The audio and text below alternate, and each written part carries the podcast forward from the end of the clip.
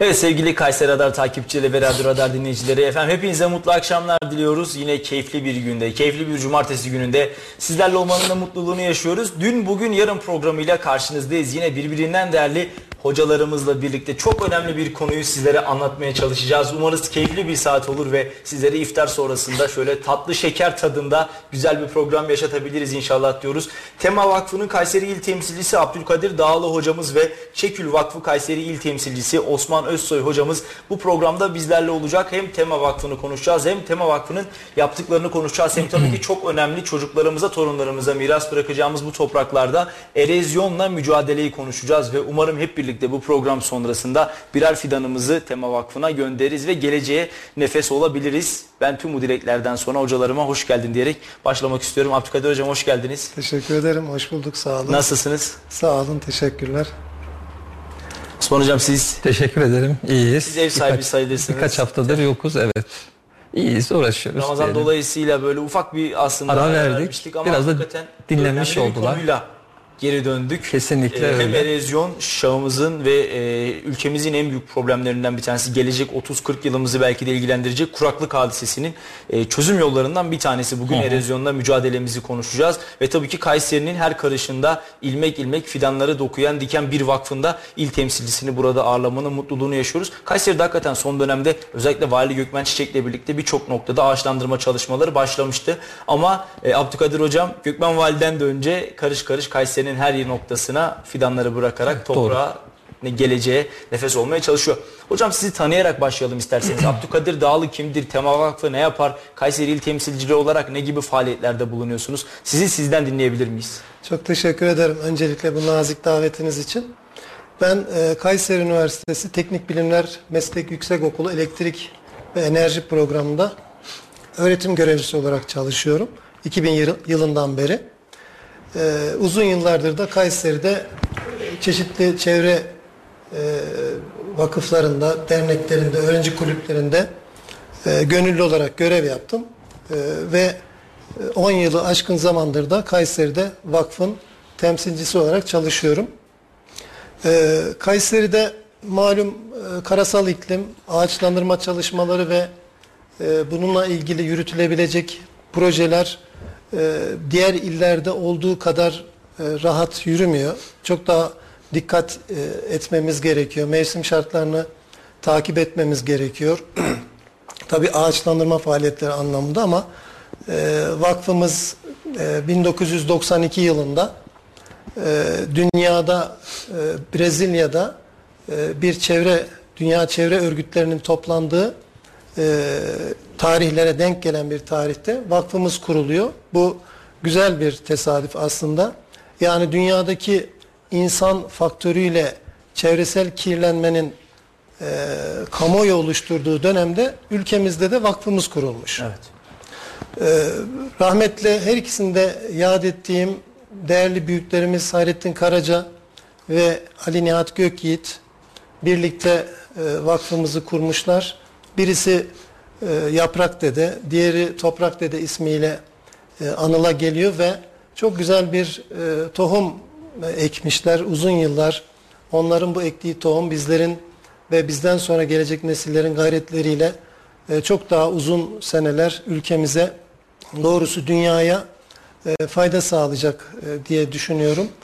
E, Şimdi o tarihlerde erozyonla topraklarımızın hem rüzgar hem e, su erozyonuyla e, taşındığını tespit etmişler 90'lı yıllarda 89-90'lı yıllarda. Bunu Hayrettin Karaca kendisi bir sohbette anlattı. E, ve bunu diyor ölçtürdük biz devlet kurumlarına. Bizim bir yılda ne kadar toprağımız kayboluyor bunu ölçtürdük. Kendisi bilime bilim insanına e, müthiş saygı duyan e, aydın bir insandı üniversitelerden tahliller yaptırdık ve korkunç gerçeği fark ettik diyor. Ee, ölçüyü de kendisi söyledi. Kıbrıs adasının tamamını bir santimetre kalınlığında kaplayacak kadar bir alanı e, kaybediyoruz. Her, Her yıl. yıl. Bu muazzam bir e, büyüklük. Şunu sorayım hocam. Peki bu araştırmanın üzerinden kaç yıl geçti? Yani 90 yılıydı. 1990 e, yıllarında yapılan araştırma bu. Evet. E, buradan e, yola çıkarak tehlikeyi fark eder etmez hemen ne yapabilirizin endişesine düşmüşler ve o dönemin devlet yöneticileriyle e, vakıf temsilcilerimiz tabi ortada vakıf da yok görüşüyorlar. Şu yüzden sordum. 2023 Türkiye'sine geldiğimizde 1990 yılında yapılan bu araştırmanın ne kadar ötesine geçebilmişiz? Örneğin artık ne kadar toprağımız kayboluyor? Gayet tabii. Yani şimdi burada şu, e, tabii şunu ifade etmek gerekiyor. Burada e, sadece erozyonla mücadele adı altında kurulmuyor vakıf. Bu problemi tespit edip e, yola çıkma noktasında bize müthiş bir uyarıcı oluyor bu problem. E, bizim için e, bu e, şeyi ateşleyen nokta o olmuş oluyor. Bu anlamda çok önemli. Ve e, Türkiye erozyonla mücadele ağaçlandırma ve doğal varlıkları koruma adında e, Tema Vakfı'nı kuruyorlar ve o yıldan bugüne kadar e, birazdan belki daha detaylarını da konuşuruz. E, Hayrettin dedemizin çok önemli bir sözü var. Kendisi kendine şahsına münhasır felsefesi olan da bir büyüğümüz. Bir olmadan iki olmaz diyor.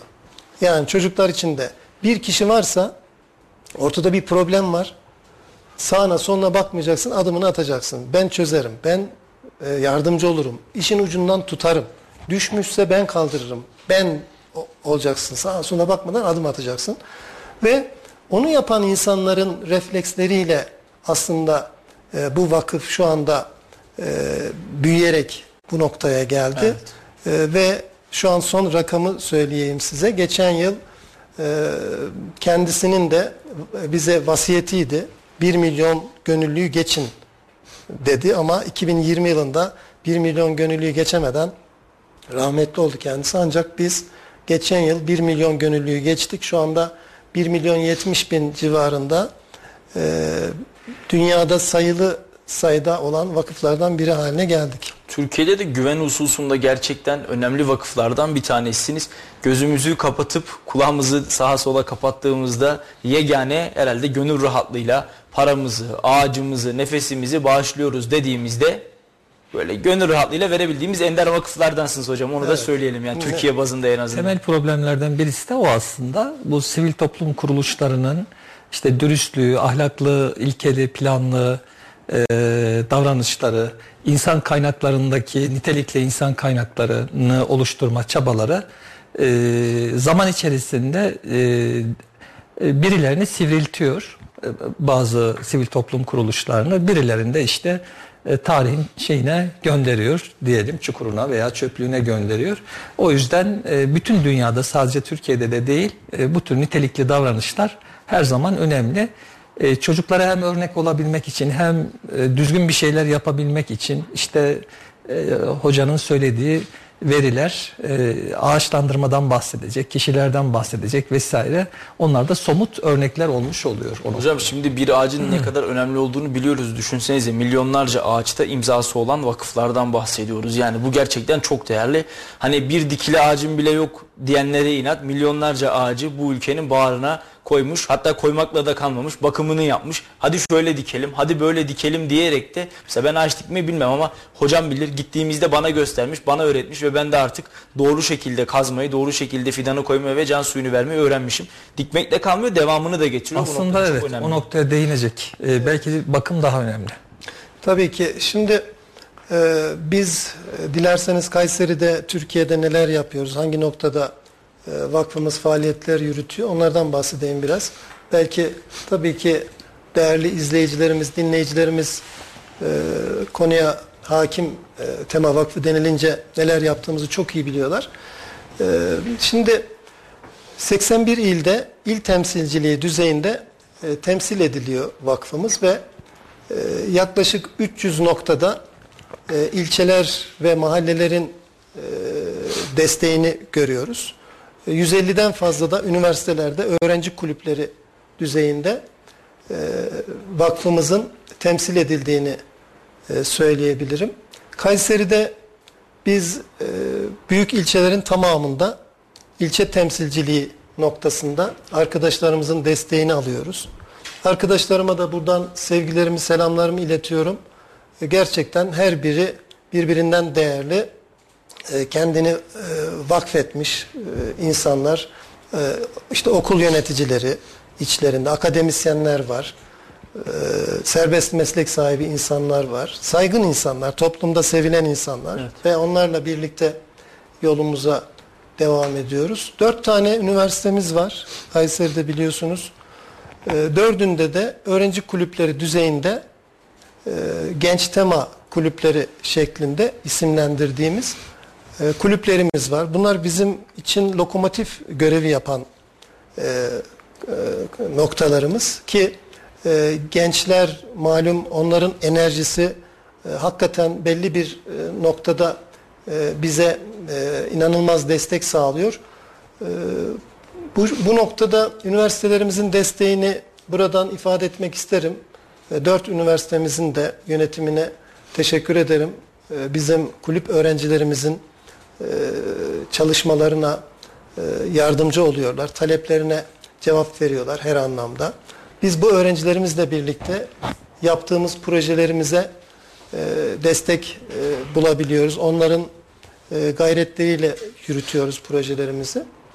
Bu anlamda e, Kayseri'de 2010 yılından beri e, Milli Eğitim Bakanlığı ile vakfımızın yürüttüğü bir e, protokol çerçevesinde e, projelerimizi yürütüyoruz.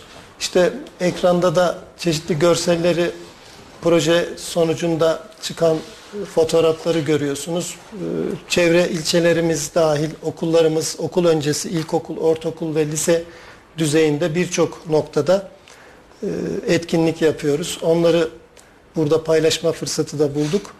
Ee, Ağaç Kardeşliği e, adında bir projemiz var.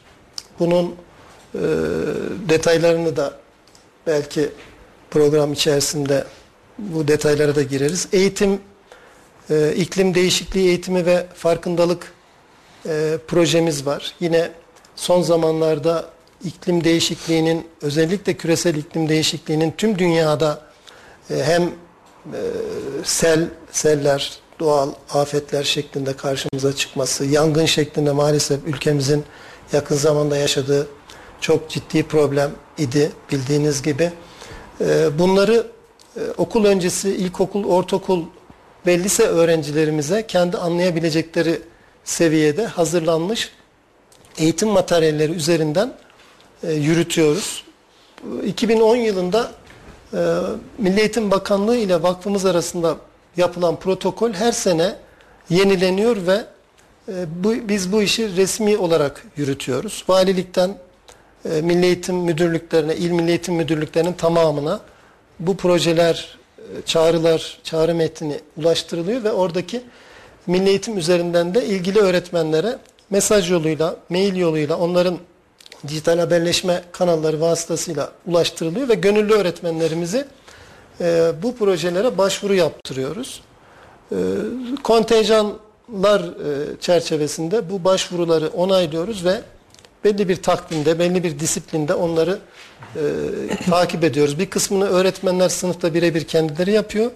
Bir kısmını da bizler, temsilcilikler, e, hem genç temalar, ilçe sorumlularımız hem de il yönetim e, ekibi olarak bizzat kendimiz yapıyoruz.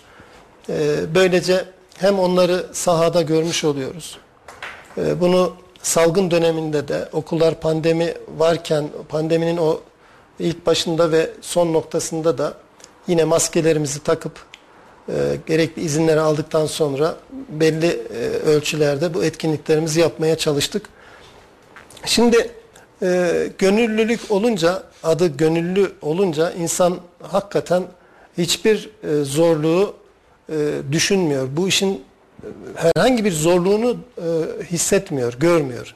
Meselenin maddi boyutu, manevi zorlukları, diğer bir takım e, handikaplar, önümüze gelebilecek engeller bunlar bir şekilde çözülüyor ve yapmak istediğimizi e, sonuç e, alacak şekilde uygulama şansı buluyoruz.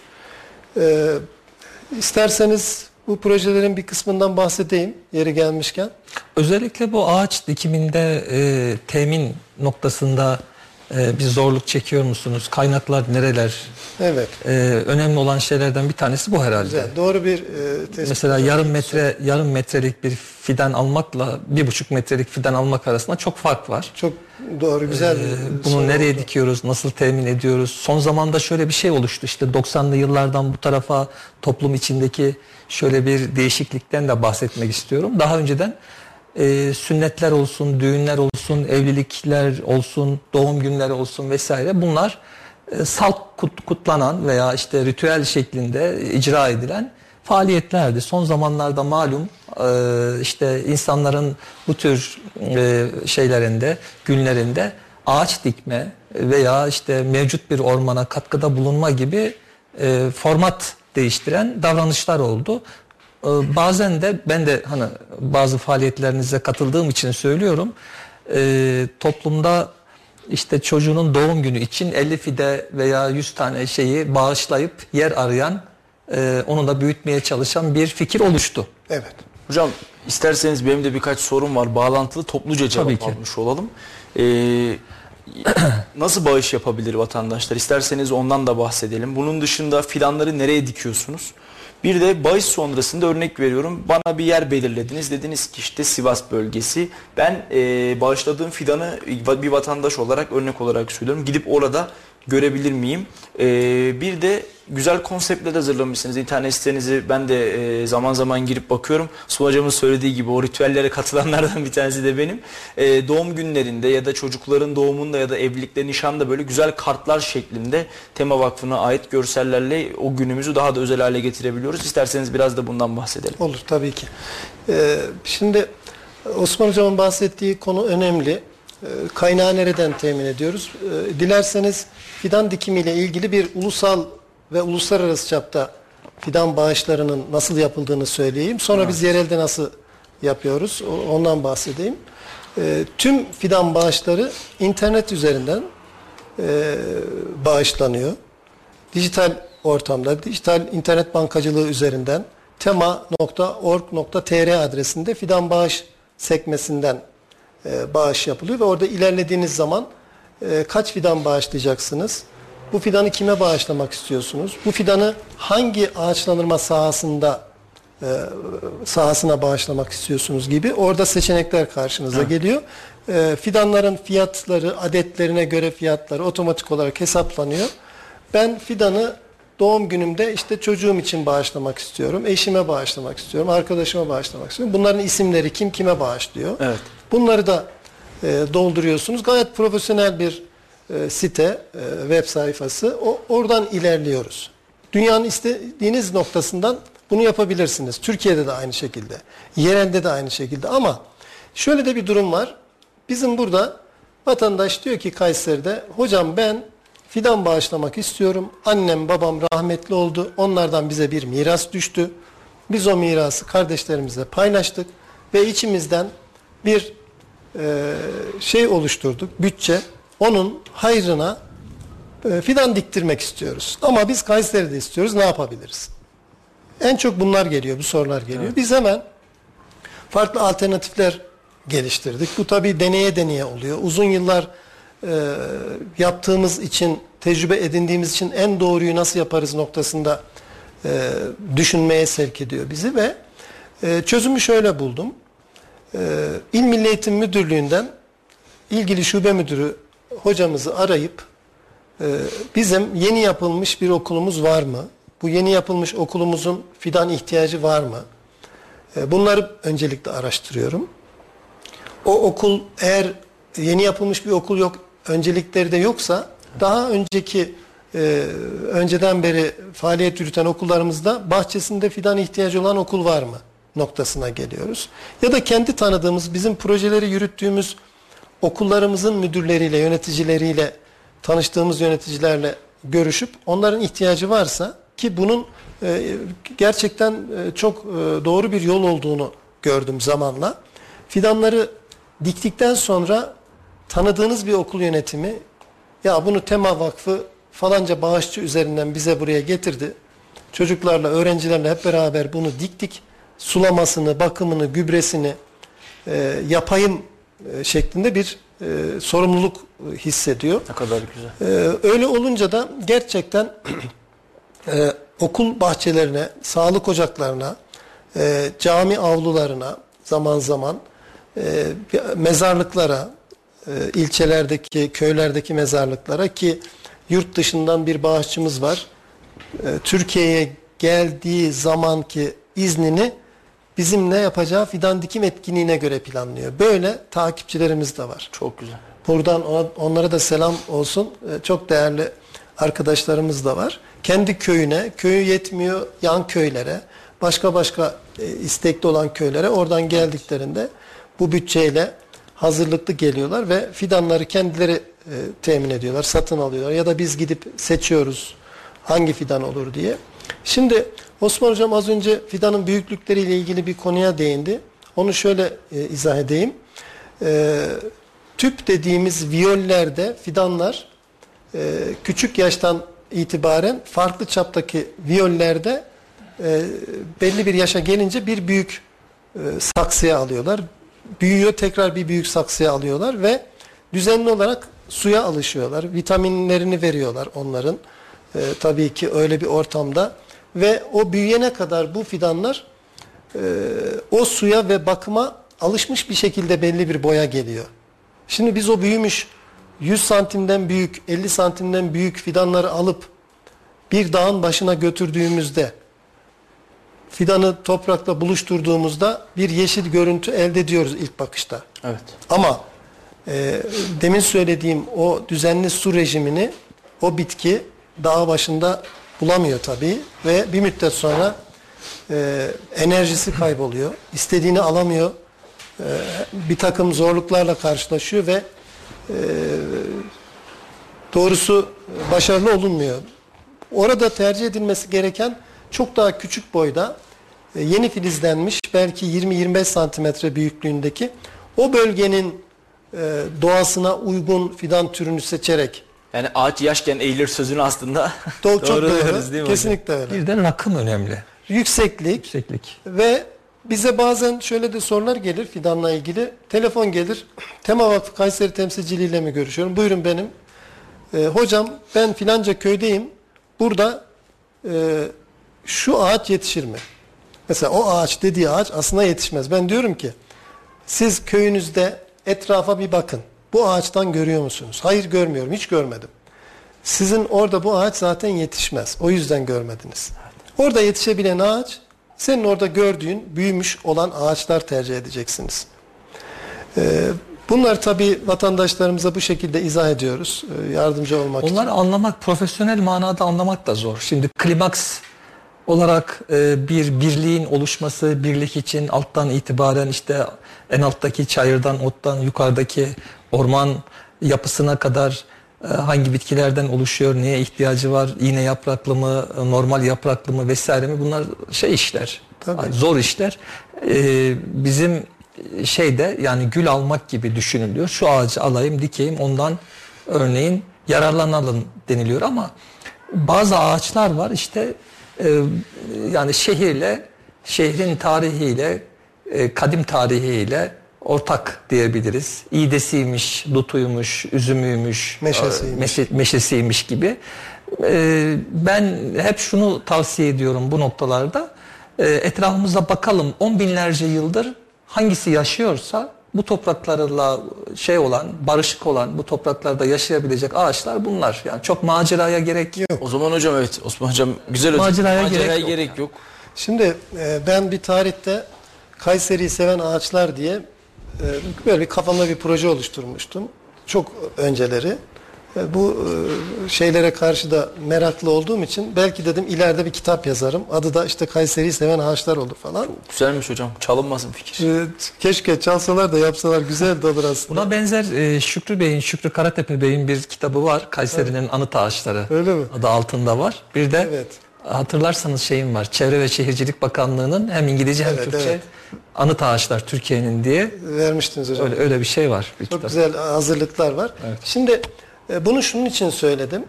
E, biz çocukken çay bağlarında bağımız var. Talaslıyım bu arada ben. Ee, okulumuz Yeşil Talaslı. Yeşil Talas. Evet. Eskiden yeşil olan Talas. Ya hocam hala yeşil paraşüt, Öyle, indirme, öyle. paraşüt indirme alanı gayet yeşil. Havadan bakınca yeşil gözüküyor. Şimdi orada okula giderken okul sonbaharda başlar ama biz bağdan daha henüz e, Harman Mahallesi'nde kışın oturduğumuz evimize göçmemişizdir. Kardeşlerimle beraber, kardeşlerime de sevgilerimi iletiyorum anneme babama. E, beraber okula giderken öğretmen Derviş Güneş İlkokulu'nda okuyoruz. Yolun kenarına kestane dökülmüş. Bildiğiniz bu yediğimiz kestaneden ama biz orada kestane ağacının yetişeceğini yetişmeyeceğini hiç bilmiyoruz. Ağacı hatırlıyorum. İşte 1977'li yıllar. Hocam dinleyicilerimizin belki birçoğu yoktu o tarihte. Yaşınız ortaya çıktı hocam. Yaşımız ortaya çıktı. Şimdi e, o kestaneleri babaannem rahmetlik tadına bakacak kadar yiyebilirsiniz. Ama cebinize doldurmayın derdi. Bu bir Başkasının olduğu için mi? Başkasının olduğu için. Bu bir Anadolu kültürü.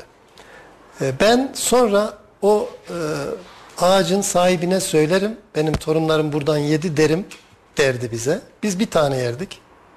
Şimdi konu şu. O dönem 77 yılında devasa bir ağaçtan bahsediyorum. Yani inanılmaz büyük bir ağaç. Hala o ağaç duruyor ve Kayseri'de e, yenilebilen kestanenin böyle bir ağaç olup da meyve verdiğini biz yeni yeni insanlara anlatmaya başladık. Ee, şimdi iklim değişikliği olmuş olsa bile kestanenin yetişme lehine değişiklikler oldu. Isındı Kayseri'nin. o. Evet. O noktada bile yetişiyorken O zaman kestane ağacını ekebiliriz. dikebiliriz, ekebiliriz, çoğaltabiliriz. İşte e, ama e, kestane gibi yenebilen e, o e, en sevdiğimiz ağaçlardan biri var ki ondan bahs- e, meşe ağacı, Evet. meşe palamudu. E, bu meşe palamudu e, bizim bir projemiz tabii E, ve bize değerli büyüğümüz Hayrettin Karaca'nın vasiyeti. E, hakikaten bu bu güzel e, palamutlar dünyada yaklaşık 400 tane meşe palamudu türü var. Bunlardan 18 tanesi Türkiye'mizde yaşıyor, ülkemizde yaşıyor, Anadolu'da yaşıyor. 18 türü. Şöyle Şimdi kameraya doğru da ben gösteriyorum hocam şu an. evet bu 18'in içinde 4 tanesi de Kayseri'de Evet. yaygın olarak yetişiyor. Biz bunu okullarda meşe palamudu tüpleme eğitimleri e, yaparken anlatıyoruz. Okul öncesi ilkokul, ortaokul, lise çağı çocuklarımıza, arkadaşlarımıza. E, meşe palamudu yani ne diyeyim yani ben tabii doğacı tarafım da var. E, e, uğraştığım başka Ben birkaç tane e, e, çeşidi aklıma geldi. Tüylü, bodur, saçlı hatta e, şeyde bulamadım e, literatürde bulamadım. Ermeni e, şeyi e, meşe, meşesi denilen bir sürü şeyi var. Hani çeşidi var. E, dediğimiz gibi Türkiye'yi seven e, bir Kayseri'de o dört tanesinden Dört tanesi. mesela hocamın bahsettiklerinden biri saplı meşe. Burada getirdim örnekleri var. Bir sapı var meşenin. Aynı meşenin bir de sapsızı var. Şu değil değil mi hocam? Değil değil. Onlar değil. Ee, ekranlarda belki görülebilir ortada. Siz bana Şimdi verirseniz ben göstereyim saplı hocam. meşe saplı bu. meşeyi. Sapsız meşe. Şöyle. Mert Hocam. bana geçebilirsin evet. Evet. Teşekkür ederim. Hatta istersen beni büyüt. saçlı. Beni O büyüt da tüy- istersen. tüylü meşe. Evet, Şu sapsız meşe şöyle gösterelim. Küçük bir yapısı Onun bir var. sapı yok mesela. Evet, Öbürünün bu var. saplı meşe. tüylü. Bu da Tüylü. Bir de ça- Tüylü saçlı meşe. meşe var aşağıda hocam. Çok. Evet, evet. Hocam yayın öncesinde bu ne diye sormuştu ben bilememiştim. O da saçlı meşeymiş öğrenmiş Evet, olduk. bizim kestane hocam o da. Şimdi e, meşeyi şöyle e, özetleyeyim. E, değerli dinleyicilerimiz meşe bizim Türk kültüründe de ağaç biliyorsunuz kutsal. Bizim kutsal değerlerimizden birisidir ağaç. Evet. E, ama Kayın ağacı özellikle kayın ağacı. ama evet hocam ama meşe ağacı bizim için e, iki defa daha kutsal bir ağaç. Çünkü Anadolu Kurtuluş Savaşı'nda meşe kendini e, un, Parçalamış. un yapmış, parçalamış, un yapmış. Kurtuluş Savaşı'nda ekmek yapmışlar meşe unundan. E, böyle bir ağaç. E, yaban hayatın besin kaynağı. Zaten oksijeninden bahsetmeye gerek Yani yok. şey değil mi? Ee, yanlış anlaşılmasın. Bütün bir, mesela- bir çeşidi de palamut, e, şeyde pelit aynı zamanda olacak Elit, şekilde palamut bunlar e, tohumuna verilen isimler. isimler. Bu Meşede ağacın adı. e, meşede ağacın ismi pelitten de un yapıl yapılıyor. Evet. Yani yapılan kısmı pelit. Pelit, palamut. Palamut. Hani onu Palamut. karıştırmayalım. Tohumunda, evet. Ama şey tarafında söylemeden geçemeyeceğim. Özellikle doğuda e, yani e, biliyorsunuz Karadeniz'de aynı e, şeyde e, alpinik kuşağa kadar bildiğim kadarıyla 1800 metre civarına kadar gürgenler yoğun. Aşağıda tam onun paralelinde de makiler var. E, biz meşeyi sadece şey gibi de düşünmeyelim. Makinin içinde de Var. fazlasıyla var. Yani karışık şekilde de var. Evet. Doğuda ve Karadeniz'de otun olmadığı zaman meşenin kesilip e, dallarıyla o e, işte ahırda biriktirilip kışın hayvanların önüne konulmasını da biliyoruz. Aynen. Yani şeyden tarihten, savaşlardan vesaireden. Aynı zamanda e, pelitinin de e, yendiğini, e, un yapıldığını, hatta e, deri tabaklamakta kullanıldığını, e, fakat e, bu noktada da şey olmasın birçok yararından bahsediliyor. Tanen e, şeysi olduğu için içinde e, tanenin e, işte e, vücudun alması gereken besinleri engelleyici rolü de olduğu için e, çiğ değil pişirilerek ve ölçülü olarak yenmesi Gayet tabii. e, şey yapılıyor, tavsiye Önerilir, ediliyor. Ama yoklukta Evet. yenmiş. Yenmiş. Gerçekten Evet. bunu da Değerli hocam, e, biz bunu okullarda özellikle e, şu anda da çok yoğun bir şekilde yürüttüğümüz bu etkinlik şu anda masada da büyüttüğümüz bir meşemiz var. E, Meşe palamudu ekme eğitimini okullarda e, 3000 öğrenciye ulaşıyoruz ortalama her yıl. En az 3000 öğrenciye yerelde Kayseri'de ulaşıyoruz ve öğrencilerimize sıfır atık e, mantığı üzerinden pet şişelerini içtikleri suyun şişelerini okula getirmelerini istiyoruz öğretmenleri aracılığıyla. Toprağını temin ediyoruz ve meşe palamutlarını biz götürüyoruz okulumuza. Ee, Üniversiteden katılan genç tema arkadaşlarımız, ilçe sorumlularımız ve bizlerin de e, katılımıyla e, çocuklarımıza meşe palamudunun nasıl ekilebileceğinden bahsediyoruz. Bu Bizim- büyüdüğü zaman bir meşe palamudu mu olacak? Meşe hocam? ağacı olacak. Ağacı Şu anda meşe fidanı durumunda. Bizim bahçe için mi getirdiniz bunu da? Ee, Elbette seve seve yani radar edebilirim. radar Kayseri için Aşağıda ekebileceğimiz güzel bir bahçemiz var. Var, Ahmet abi de güzel güzel bakar. Güller Evet. gibi bakarsa bu da güzel büyür. Çok da güzel olur. Yalnız şunu hatırlatayım. Bunu da e, eğitimlerde de söylüyorum. Kış sezonunda bu eğitimleri yaparken kapalı ortamda olduğu için 30-35 günde e, filizlenme başlıyor. Daha dışarıda bunun doğadaki kardeşleri henüz daha büyümemişken bunlar filizlendiği için Haziran'a kadar e, bunları doğayla buluşturmuyoruz. Haziran ayında mı? Evet. Hazir, burada kalabilir. Haziran ayında mesela şu anda ikinci döneme geçmiş. Ucunda bir sürgün vermiş. Toprağını sevmiş. Evet. Ben burayı seviyorum. Toprağı da seviyorum diyor. Tabii e, bunu anlatırken meşenin filizlenmesi, dalından meşe yere düştüğü zaman nasıl durur?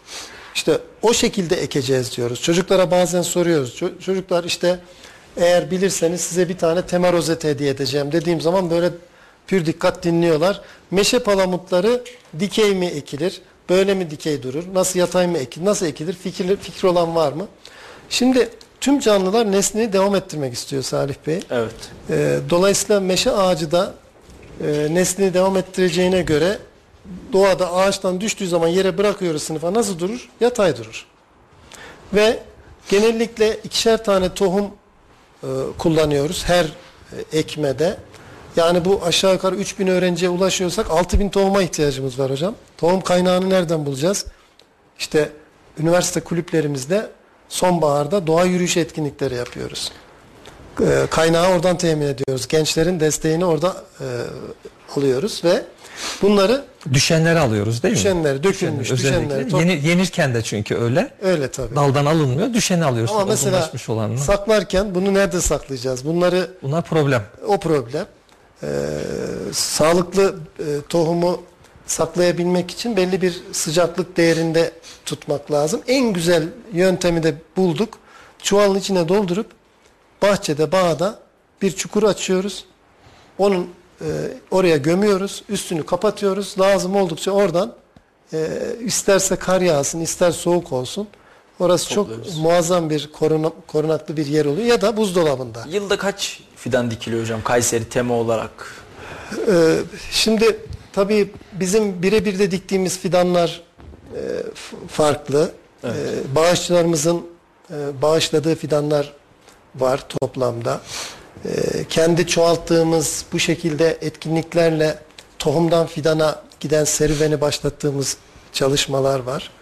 Ee, ortalama bir 5000 civarında fidanların bizzat dikilmesinde ya da dolaylı olarak e, dikilmesini sağlamakta katkımız oluyor.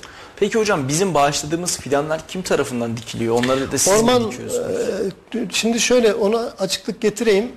E, vakıf e, bizim e, vakfımızın değerli başkanı, yönetim kurulu başkanımız Deniz At- Ataç hanımefendi bu soruyu açıklamıştı yangın döneminde.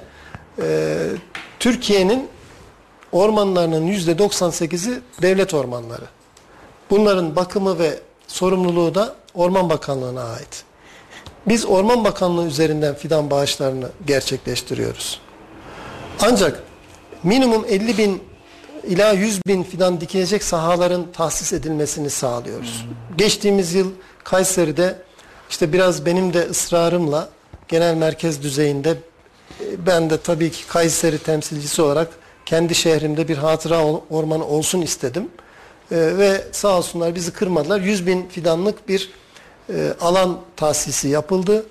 E, Bahçecik Barajı'nda Büyük Potuklu'nun orada Pınarbaşı ilçemiz sınırlarında ve 3 ay kadar kısa bir sürede hocam 100 bin fidan bağışçısı bağışlarını yaptı. Saha kapandı. Şimdi başka bir Süper. saha arıyoruz ve e, inanılmaz bir talep var fidan bağışına ve fidan dikmeye yönelik. Böyle bir farkındalık oluştu toplumumuz tarafından. Bu bizi e, çok mutlu eden bir e, husus. Burada teknik olarak e, yani okuduğum şeylerden e, şu anda aklıma gelen hani bir şeyi sizinle paylaşmak isteyeceğim. Yani sıfırdan orman oluşturulurken e, veya bu noktada katkı sağlanılırken e, ormanların mevcut etrafımızdaki orman bölgelerinin tükendiği ye- yerden veya ona en yakın yerden başlamanın teknik olarak doğru olacağını yani diyelim ki arada bir 20 kilometre mesafe var dağ varsa burada oluşturmak onu beslemek yerine falan yerdeki sınıra ulaşıp orada bir ormanı oluşturmak çünkü orası aşağı yukarı şey olarak e, katman olarak veya birlik olarak o işe alışmış diye şey yaptım. Bu çok mesela bu dediğim nokta e, göz önünde tutulan bir şey değil ama onu da biliyorum. Evet. Hocam dediğinizi aslında doğrulayan bir e, gerçek de şu.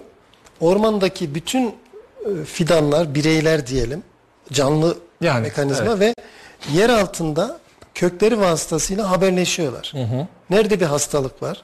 Nerede yangın var hatta? Biliyorsunuz e, ağaçlar tarihin e, en muazzam tanıklarından birisi. Yüzlerce e, yaşındaki ağacın o dönemde hangi yangınları yaşamış, iklim nasılmış, yağmur rejimi nasılmış bunları ağaçlardan öğrenebiliyoruz. Bu haberleşme orman e, vasfında olan e, arazilerde e, bu yakın mesafede dikimlerin yapılması sizin de söylediğiniz gibi doğru bir mantık.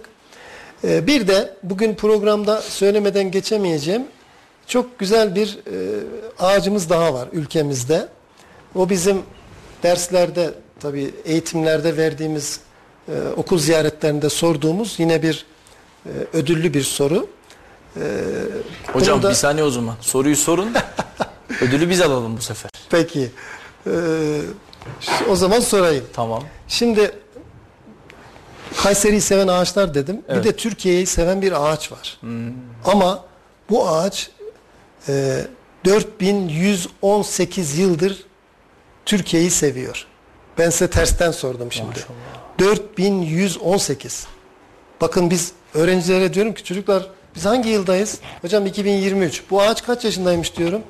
Yani çağlar öncesine gidiyor. Hal- Ben bu soru için Fikri Hoca'ya bağlanayım. Çam ağacı olabilir mi? Ancak Kültepe olabilir yani, Kültepe'de vardır. Şöyle, şöyle benim bildiğim en uzun yaşayan ağaçlar mamut ağacı var, porsuk var. Evet. Yani iki tane ağacımız var. Mamut ağacı Kaliforniya merkezli olarak evet, hani biliyorum 4500 falan. Evet. Bir de bunlara yakın malum zeytinle iyi de var. Hani Çok doğru bir tespit. Ayaküstü ödülü Osman Hoca'ya kaptırdık. yorum, yorum da yaptı hocam. Şimdi e, Ama yalnız çok seçenek söyledi. Hangisi hocam? hepsini söyledim ama. Türkiye olanı söyledim. onu ben söyleyeyim. Evet, hocam söylesin bakalım. Şimdi e, porsuk ağacı tabii öğrencileri zorluyoruz. Diyorum ki bakın bir hayvanla aynı ismi taşıyor. Çocuklar diyorum. Çocuklar başlıyor işte tavşan ağacı, işte sincap ağacı yok falan filan. Porsuğu da bizim e, coğrafyada çok bilmezler. Biraz Akdeniz e, Bir de çay geçiyor Eskişehir'den oradan biliyorum. oradan biliyoruz. E, Şehirlisin o zaman. Evet. Şimdi Karadeniz bölgesinde e, bu ağacımız porsuk ağacının tohumları zehirli. Bu ağacı bu kadar uzun yaşatan faktörler neler? Bunları incelediğiniz zaman ağacın bir takım özelliklerinin olması lazım. Ağacın tohumu zehirli. İnsanlar Uzak duruyorlar. uzak duruyor. Hayvanlar da uzak duruyor. Hayvanlar yerse sarhoş oluyor. E, ve yerini Hayvanlar akıllı yemezler. akıllı yemezler. Yemezler. Yerini de e, tabii gizli tutuyor bakanlık. E, iyi ki de öyle yapıyor. Koruma altında. Ve e, 19 Mayıs Üniversitesi bilim insanlarının dediği bir açıklama var hocam. Bu ağaç daha henüz genç bir ağaç. Yani biz artık e, kaç bin daha yaşar bilemeyiz ama genç bir ağaç. Bir düşünün hocam. Ya. Şöyle bir bunu anlattığımızda çocuklara diyorum ki bir ağacınız olsun ve binlerce yıl yaşasın. Bir düşünün. Bizim e, ben dedemin ismini biliyorum. Dedemin babasını babama sorarak öğrendim. Bunu niye söylüyorum? Dedemin babasından sonrasının adını bile bilmiyorum. Ben de öyle olacağım hocam. Hepimiz öyle olacağız. Peki e, yüzlerce yıl yaşayacak bir e, bedava bir kaynak bir de. Eğiliyorsunuz, meşe palamudunu yerden alıyorsunuz, tohum halindeyken ekiyorsunuz, büyütüp götürüp doğaya dikiyorsunuz. Böyle bir ağacı yüzlerce yıl yaşatma fırsatı varken, yani bizim hiç boş durmamamız lazım gerçekten. Evet böyle ilginç şeyler var. Ee, yani ben de şöyle bir şey e, söyleyeyim. Ee, galiba Japonya'da 1940'lı yıllarda e, bir ağaç fosili bulunuyor. İsmini de eğer söyleyebilirsem söyleyeceğim. Metasekote veya sakote diye bir şey hatırlıyorum. E, Buna bir türlü anlam veremiyorlar. Şeylerle falan e, araştırıyorlar, e, bakıyorlar türlere vesairelere yok. E, bu literatüre kazandırıldıktan sonra Çin'de, Çin'in belli bir bölgesinde bu ağaç topluluğunu toplu olarak buluyorlar o bilgiyle. Çok güzel. Ve bu ağaç e, dirisi e, ölüsünden sonra bulunan dünyadaki tek ağaç oluyor. Allah Allah. Çok güzel. Değişik. Önce, iyi. önce, önce ölüsünü buluyorlar sonra Sonra. Dirisini buluyorlar. Hala, Tohum, tohumlarda da aynı şey. hala bilmediğimiz belki Kayseri'de bile fark etmediğimiz yeni yeni ağaçlar, bitki türleri vardır hocam. Mesela fark etmediğimiz gayet tabii var. Erciyes'te mesela adını Erciyes, Erciyes'ten Argeus olarak e, isimlendirilmiş biyologlarımız çalışıyorlar mesela. Hiç daha literatüre Var mı girmemiş. öyle gümüş benim, yapraklı benim bildiğim var. Ben bitki var mı? ben biliyorum. So- biraz şey yapayım sorayım. Sahadan biliyorum. E, fakat e, ben sıkıştığım yerde şunu söyleyeyim. Ben elektrikçiyim diyorum. Ben elektrik hocasıyım. ha peki ama gönüllüyüm. Ama şöyle ben de bu noktada hocama şey yapmayacağım. Bu işler e, yapılan işler yani elektrikçi elektrik e, konusuyla vesaire kesinlikle ilgisi yok. Sevmeyle, Evet. kamu yararıyla, e, kendini vakfetmekle ilgisi var. E, herkes e, Goethe'yi bilirsiniz Ozan olarak, Alman Ozanı olarak bilirler ama Alman Ozanı Goethe'nin kimse botanikçi olduğunu bilmez.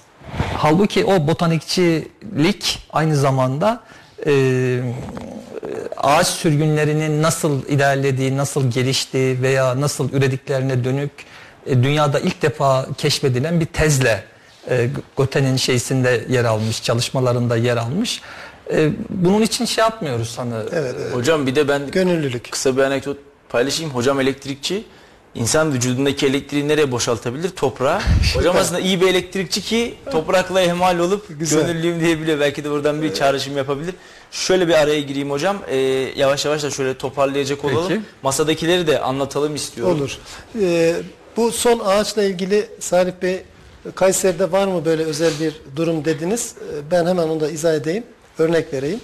E, Erciyes'te bir incir ağacından bahsetsem şaşırırsınız. Erciyes'te Evet. incir ağacı. Allah Allah. Erciyes'te incir ağacı.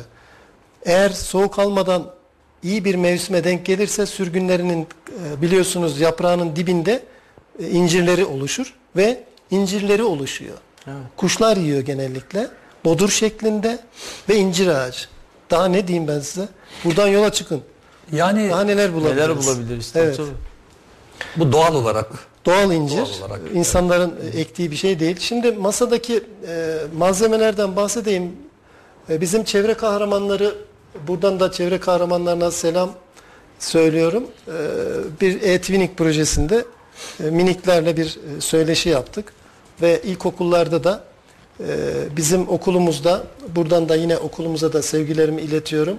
Mobilya dekorasyon atölyesinde e, ağaçları bu şekilde kesitler halinde ee, ben size bundan vereyim. Kesiyoruz. Bu bedava bir kaynak sonuçta.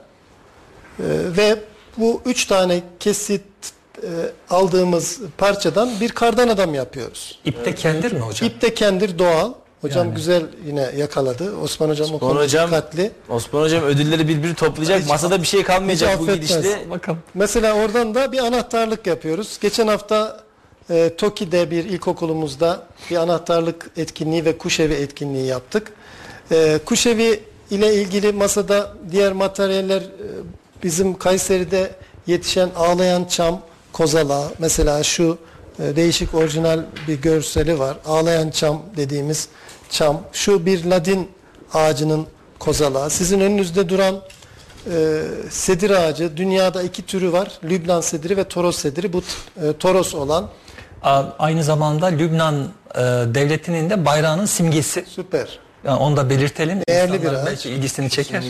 Yani bir program yapsak şu elinizdeki sedir ağacıyla ilgili bir saat bir program yapabiliriz. Yapılabilir. E, muazzam bir özellikleri var. Onlara giremeyeceğim Hocam ama şunu sorayım. E, hani burada ağacı kesip e, anahtarlık yapmışız ama bunlar kurumuş.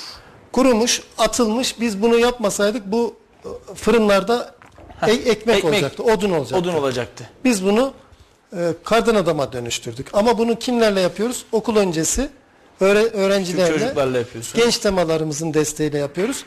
E, ve okulumuzun sağladığı bu e, imkanla projeleri en azından sürdürülebilir hale getiriyoruz. Devamını yapabiliyoruz. Kesinlikle hocam çok güzel bir e, çalışmanız var yine valla bana olsa yiyecektim. Onlar bizim vakfımızın e, tüm e, noktalara gönderdiği farklı boy- boylarda olan şeyler, önlüklerimiz, ayırdım yeleği dediğimiz önlükler. Evet. Etkinliklerde bunları kullanıyoruz. Hem bir farkındalık oluyor hem de çocuklarımız fidan dikerken üstleri kirlenmemiş oluyor. Çamur bir aidiyet oluyor. de duyar hocam. Aidiyet Çocuk duyuyor, gayet kendisi tabii. yani oldukça şık bir tasarımla hakikaten güzel bir nokta. Salih Bey e, vaktimizi de zorluyoruz belki ama Estağfurullah yok hocam sıkıntımız e, yok. şimdi bu bu da e, bir e, Geri dönüşüm geri malzemesi. dönüşüm malzemesinden ürettiğimiz Geri palet dönüşümden palet. palet, Palet. geri dönüşüm palet malzemesinden e, bir kuş evi e, yaptık. E, 2018 yılında Yani hocamdan önce oraya hemen şöyle söyleyeyim. Yaptık derken hocamın projesiydi bu. Ee, biraz da e, pandemide de değerlendirdi. Hem kendini geliştirdi hem modelleri geliştirdi. Ee, yani vakıftan ziyade vakfın desteğiyle hocamın kendi projesi onu söyleyeyim. Yakından takip ettiğim için böyle bir modüler bu kuş evlerini nerelere bırakıyorsunuz hocam? Şimdi bu şu an elinizde olan sökülebilip montajı tekrar yapılabilen modüler dediğimiz e, bir model. Bunu üst üste paketliyoruz. Vidalarıyla beraber kurulumunun şeklinde projesini de koyup kime gönderiyoruz? Köylerdeki e, böyle bu bu tür çalışmalara ihtiyaç olan okullara hediye ediyoruz. Hediye bunu. ediyorsunuz. Çok güzel. Kuşlar yaşıyor mu hocam? E, Gayet tabii. Bununla ilgili de e, Yahyalı'da ilçe sorumlumuz e, kuş gözlem hocamız Mehmet Ünlü e, arkadaşımızdan destek aldık. O da bizim aynı zamanda ekibimizde. Kuşların bu yuvaya girebilecek kuşlarla ilgili e, diyor ki vücutlarını, kaslarını sıkarak belli bir oranda küçültür kendini. Yuvaya ancak öyle girer, zar zor girer. Neden? Kendinden büyük kuşlar gelip yuvaya Zarar girmesin, vermesin. zarar vermesin. Dolayısıyla mesela biraz büyük bir yuva deliği açsak küçük kuşlar tercih etmiyor. Hmm. Tehlike görüyor orayı. Malum kira fiyatları da artmışken önemli bir Yani. müşteri için önemli bir seçenek olan. Burada farklı bir şey var hocam. Bu da çok güzel bir çalışma. Valla her biri el emeği, göz Sağ nuru. olun. Elinize sağlık ve bir de yani işin güzel tarafı şu. Plastik veya bir atık yani doğaya zarar verecek bir şey kullanmadan yine Ahşap. tahtayla, ahşapla hemhal olunuyor. Kozalakları görüyoruz. Burada kuru O, onlar akça ağaç e, tohumları. O farklı farklı gözenekler var. Her bir gözde ayrı ayrı malzeme kullandık. Bu elinizdeki de yine bir sınav sorusu Salih Bey. Evet. Sınıflara gittiğimizde bundan bahsediyoruz. bunu da ben bileyim bari hocam. Hadi.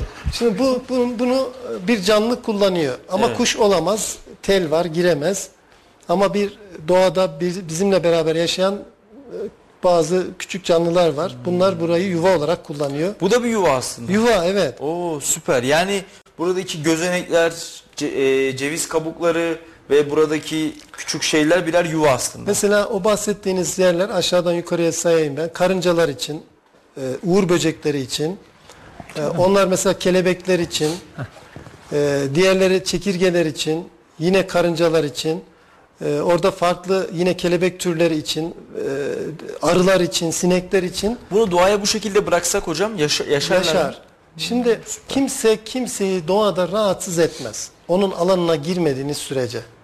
Gelir kendine uygun o gözenekler onun için hangi gözenek uygunsa orayı tercih eder. Süper. Diğeri zaten orada yaşayamaz. Çünkü onun yaşam alanına hitap etmiyor orası. Bu da böcek evi ya da böcek oteli dediğimiz bir e, çalışma. Ben isterim ki bunu bugün e, mesela Büyükşehir Belediye Başkanımız Biraz sonra buraya gelecek. konuğunuz olacak. Mesela ona söyleseniz bizim buradaki parklara bunlardan çoğaltsalar. Burada hangi böcekler yaşar?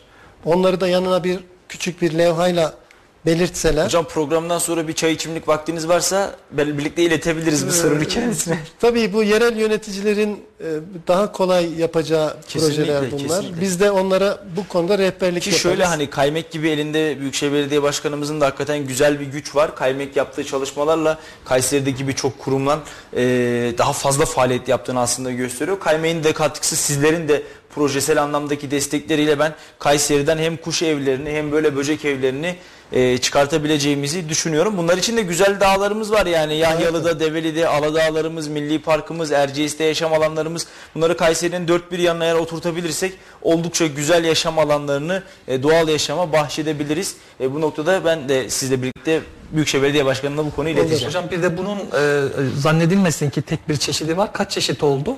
Şimdi isterseniz sosyal medyada Yaprak Amca hesabı Tabii tabii. Eğer meraklı olan arkadaşlar varsa bu konulara Instagram'da Yaprak Amca e, kuş evleri üzerine bizim e, kullandığımız sosyal medya e, adresimiz. Yaprak Amca'da çok fazla çeşitleri var.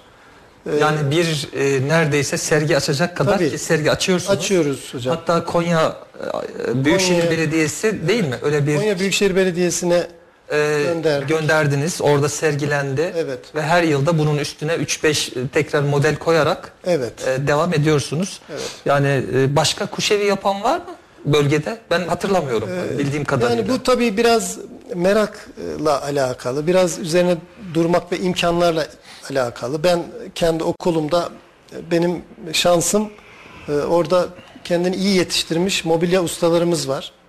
E, Ve e, bize de bu konuda rehberlik yaptılar, öğrettiler.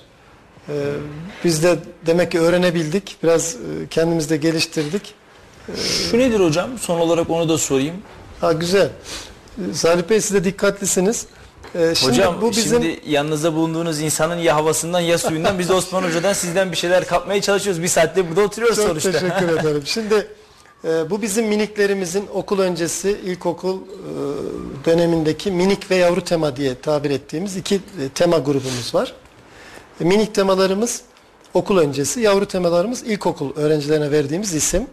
Bu proje kapsamındaki okullarımıza vakfımız bunu ücretsiz olarak gönderiyor. Bu, bunun ismi gözlem kutusu. Gözlem kutusunun kapağının üstünde bir tane mercek var. Kenarlarında da minik e, delikleri var. İçine eğer canlı bir böcek, solucan, yaşayan bir şey koymuşsak bu hava alsın diye o delikler. İçine koyduğumuz materyali öğrencilerimiz okul bahçesinde bunları boyunlarına asıyorlar. Önlerinde e, yaprak, kelebek, çiçek bunları inceliyorlar. Varsa böcek sonra tekrar doğaya bırakıyorlar. Ne kadar güzel. Gözlem kutusu e, bunu ücretsiz gönderiyoruz. Kime? Ben de bakabilir miyim? Tabii. Projemize dahil bunu size armağan edeceğim. Peki, teşekkür ederim. Projeye dahil olan sınıflarımıza dönem başında gönderiyoruz. Öğretmenlerimiz projeyi tamamladıktan sonra e, biz bunun takibini yapıyoruz.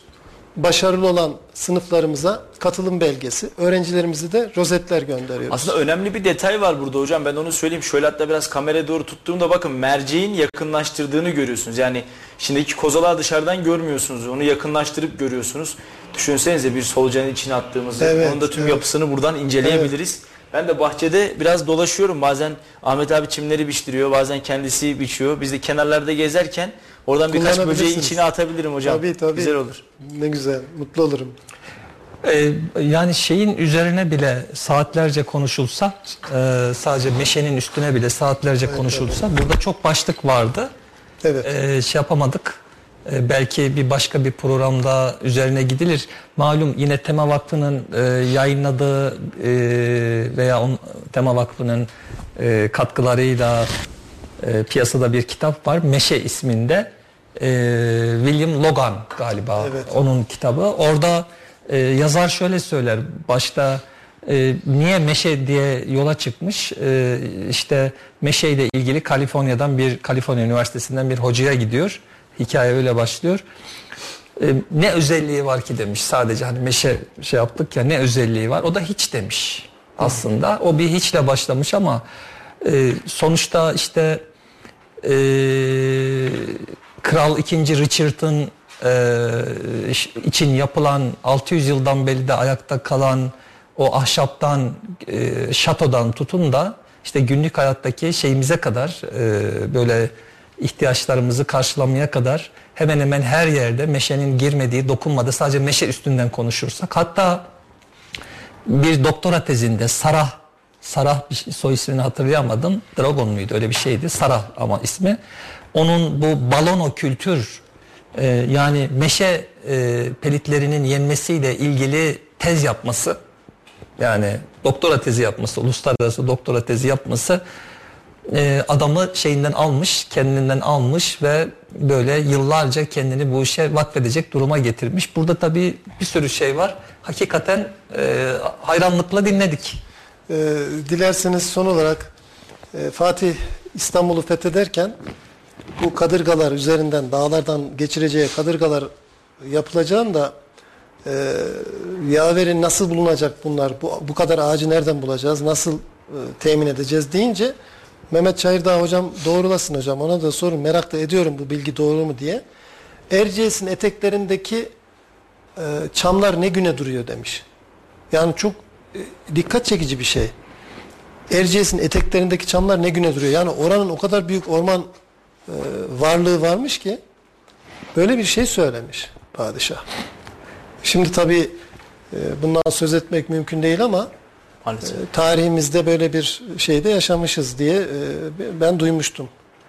Yani e, ben de şöyle bir şey şey yapayım, söyleyeyim. E, bu kirpi otu ve keven varsa bir yerde e, orada bir önceden bir birliğin olduğuna, e, orman birliğinin olduğuna, ormanın olduğuna delalet eden en büyük şeymiş. E, yani göstergeymiş. Dolayısıyla etrafımızda baktığımız zaman bu kevenin veya gevenin veya kirpi otunun işte turda veya işte şeyden önceki yer e, fazla olması dağ eteklerinde, Erciyes'te vesairede e, buna belki her yerin ormanla kaplı ediyor. olduğuna işaret ediyor.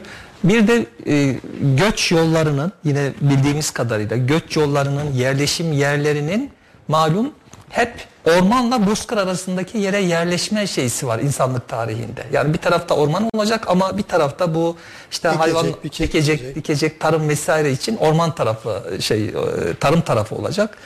E, Ormana böyle sırtını dayayarak bir medeniyet kurma e, olmuş her zaman. Evet.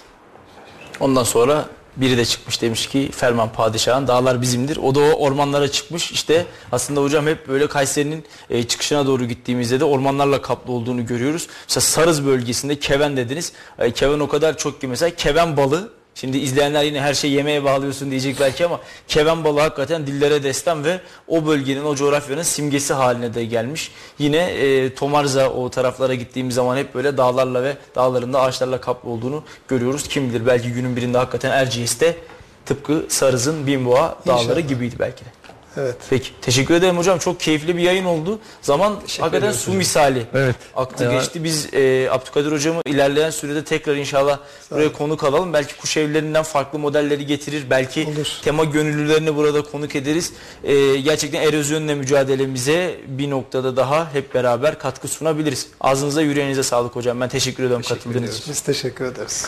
Ee, sevgili Kayseri Radar takipçileri, Radyo Radar dinleyicileri bir dün bugün yarın programının daha sonuna geldik efendim. Tema Vakfı Kayseri İl Temsilcisi Abdülkadir Dağlı hocamı ve Çekül Vakfı Kayseri İl Temsilcisi Osman Özsoy hocam. Bugün program konuğumuzdu.